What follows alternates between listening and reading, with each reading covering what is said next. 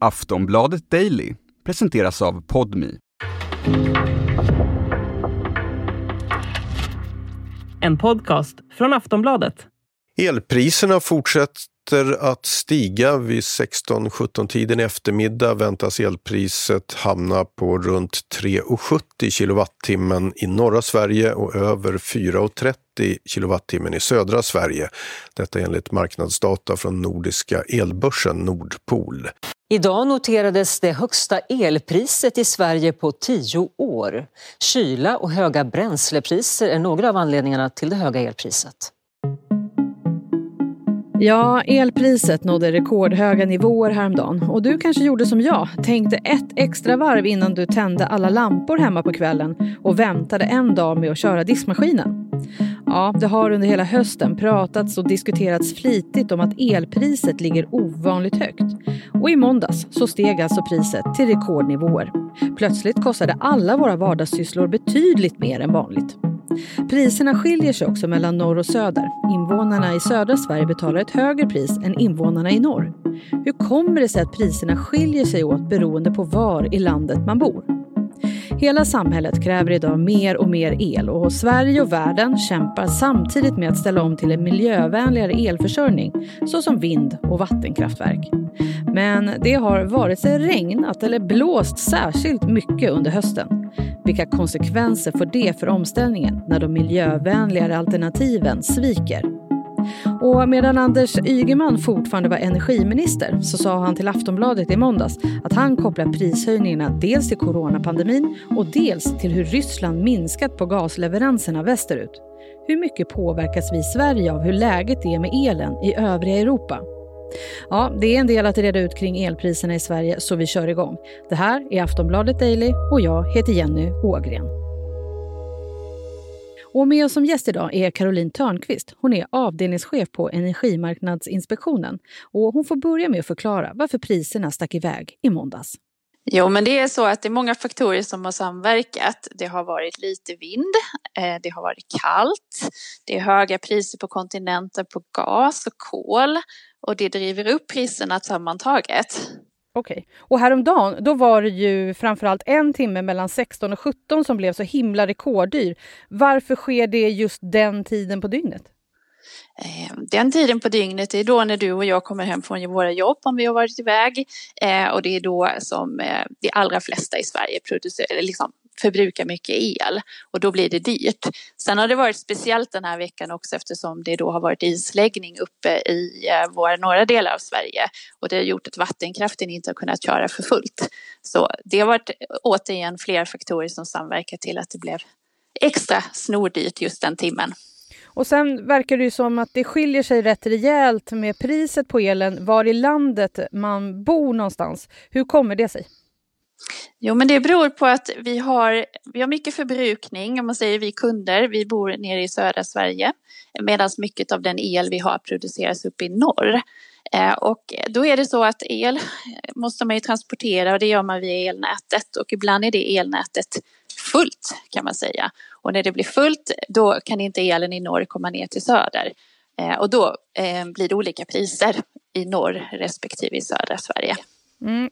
Vad jag har förstått att det ibland kan vara lite svårt att transportera elen då från norr till söder. Hur kommer det sig att man inte liksom gör det bättre och effektivare än hur det är idag?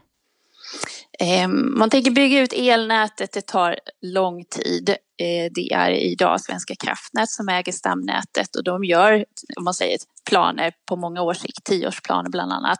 Men helt enkelt är det så att utvecklingen och behovet av el går fortare än, än utbyggnaden av elnätet och då blir det flaskhalsar i systemet. Ehm, men det, det kommer mycket ny teknik och så, så att det, vi får hoppas att det löser sig på sikt. Sen är det ju så, det har ju varit dyrt med el hela hösten. Eh, vad, vad, skulle du säga behöver hända för att elpriserna ska gå ner till det så kallade normala igen?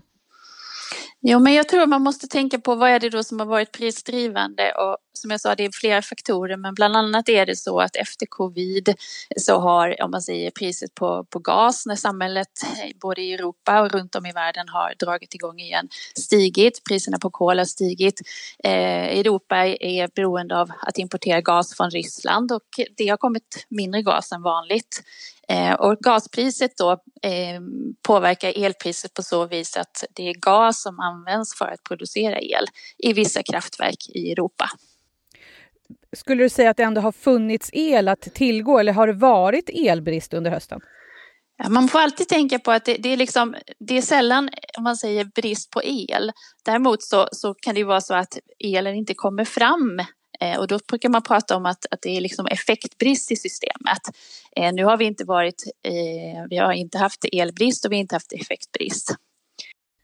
Okej, men ska, eh, för du var inne lite på det här med Ryssland och gasleveranserna. För det var ju så att vår energiminister Anders Ygeman, han sa ju häromdagen, han kopplar de här prishöjningarna till både coronapandemin och hur Ryssland minskat på gasleveranserna västerut. Hur mycket kan man säga att de här faktorerna påverkar? Um, man kan väl säga så här att det beror ju på liksom vilket kraftslag är det som blir prissättande för elen. Är det vatten eh, som, som gör att, att då blir priset lågt, så kan jag säga, eller vind. Medan om det är gaspriset som blir prissättande för det elpris som vi möter som kunder, då är det precis som Ygeman säger så att då har priserna eh, blivit höga på grund av att eh, ja, gaspriset är högt. Vi ska snart prata mer om elpriserna, men först några ord från vår sponsor. Hos Podmi kan du lyssna på flera populära true crime podcasts utan reklam. Till exempel En mörk historia. Han har eh, mist sin rätt att leva, ungefär så sa han. Så vi får reda på att ja, men han, är, han är skjuten, han är död. Det här är ju en helt orimlig story. Ni har ju hittat den sämsta lönnmördaren i hela jävla världen. Som ny kund hos Podmi får du de första 14 dagarna gratis.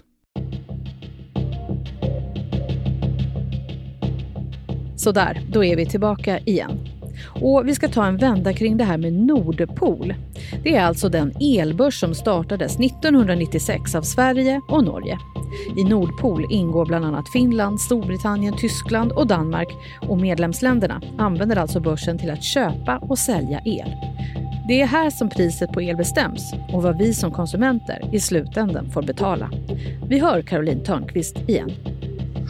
Jo, men det är, den stora elbörsen i Norden är som du säger Nordpol. Det finns flera runt om i Europa eh, och börserna de samlar in om man säger eh, som de som vill köpa och de som vill sälja el. Eh, och på så vis så sammanför man köpare och säljare och det blir ett pris. Ehm, så det är deras uppgift. Och hur mycket skulle du säga att, pri, att vi i Sverige påverkas av prisökningarna i övriga Europa? Jo, men det gör vi och vi gör det framförallt i södra Sverige när, om man säger eh, södra Sverige då får ett pris som, som påminner om det som är på kontinenten. Eh, och det händer i de tillfällena när det är flaskhalsar i det svenska systemet så att vi får ett pris uppe i norr och vi får ett annat pris i söder. Och då är priset i söder påverkat utav kontinentens pris. Och nu verkar det ju som att priset gått ner lite de senaste dagarna och det här verkar bero på eh, tyska vindar. Så är det. När det blåser så, så blir priset lågt för det är billigt att producera el med hjälp av vind. Eh, och eh, vintertid när det är förhållanden som gör att det blåser, ja men då ser vi låga priser fast att det är kallt ute. Och eh, ska vi räkna med den här typen av prisnivåer och att elpriset liksom åker jojo upp och ner? Ska vi räkna med det framöver? Eh, jag tror så här att, att eh, vi går ju mot en, ett elsystem där vi har, som man brukar säga, mer volatil kraft, det vill säga det är vind och, och sådant som, som sätter priserna och då blir vi direkt påverkade av om det blåser ute, då blir det låga priser eh, och blåser det inte så mycket då går priset upp. Så ehm, Sen utvecklas det ny teknik också som ska göra att man kan balansera elsystemet när man nu har mycket vind i systemet. Så på sikt får vi väl se vad det leder fram till men, men framöver kan vi nog se framför oss att priset kommer att variera mer än vad vi har sett historiskt. vilka skulle du säga är det som drabbas hårdast av e, de höjda elpriserna? Eh, de som drabbas hårdast är förmodligen just nu de som har, om man då får använda det ordet, dåliga elavtal. Man kanske inte har gjort ett aktivt val eh, och vi har ungefär 10 procent tror jag nu av kunderna som inte, inte har gjort det. Så eh, det första man ska göra är såklart att se över sitt elavtal och fundera på om det finns något bättre eh, pris man kan ha.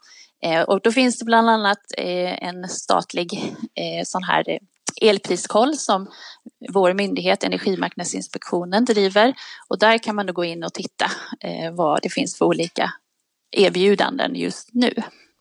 Sen är det så här, Sverige och världen jobbar ju med att ställa om till miljövänligare elförsörjning med vind och vattenkraft bland annat. Men när de här systemen inte fungerar, vad är det som händer då?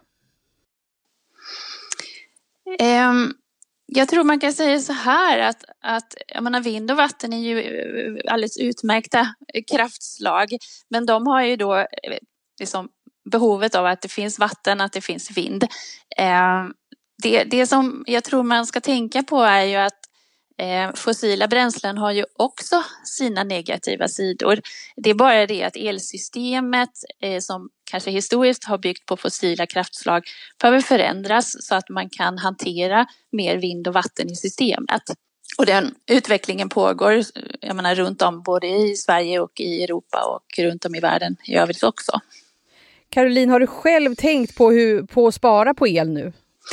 Eh, jag bor själv på landet eh, och det är kallt ute eh, och jag menar det man kan göra själv det är ju att man ser till att man inte förbrukar mer el än vad man behöver. Man kanske kan ha det lite kallare hemma. Till exempel kan ju vara ett sätt att spara om man har elvärme. Ja, för det var det jag tänkte. Tjänar man på att sänka temperaturen till exempel en grad inomhus? Du tjänar ju alltid på att förbruka mindre el på så vis att, att det är klart att då får du betala mindre så det kan du göra. Sen, sen över tid så, ska man ju veta att eh, jag menar, priset går ju upp och ner och har du inte utrustning hemma som gör att du vet vad det är felpris eller hur mycket du förbrukar, då är det ju svårt. Men sån typ av utrustning finns och eh, finns ju även tillgängligt för konsumenter och det finns jag menar, företag som, som erbjuder den typen av tjänster också. Så det kan man ju se över om man vill. Tack för idag Caroline. Tack. Sist här hörde vi Caroline Törnqvist, avdelningschef på Energimarknadsinspektionen. Jag heter Jenny Ågren och du har lyssnat på Aftonbladet Daily. Vi kommer ut med ett nytt avsnitt varje vardag, så följ oss gärna i din poddspelare så hörs vi snart igen. Hej då! Du har lyssnat på en podcast från Aftonbladet. Ansvarig utgivare är Lena K Samuelsson.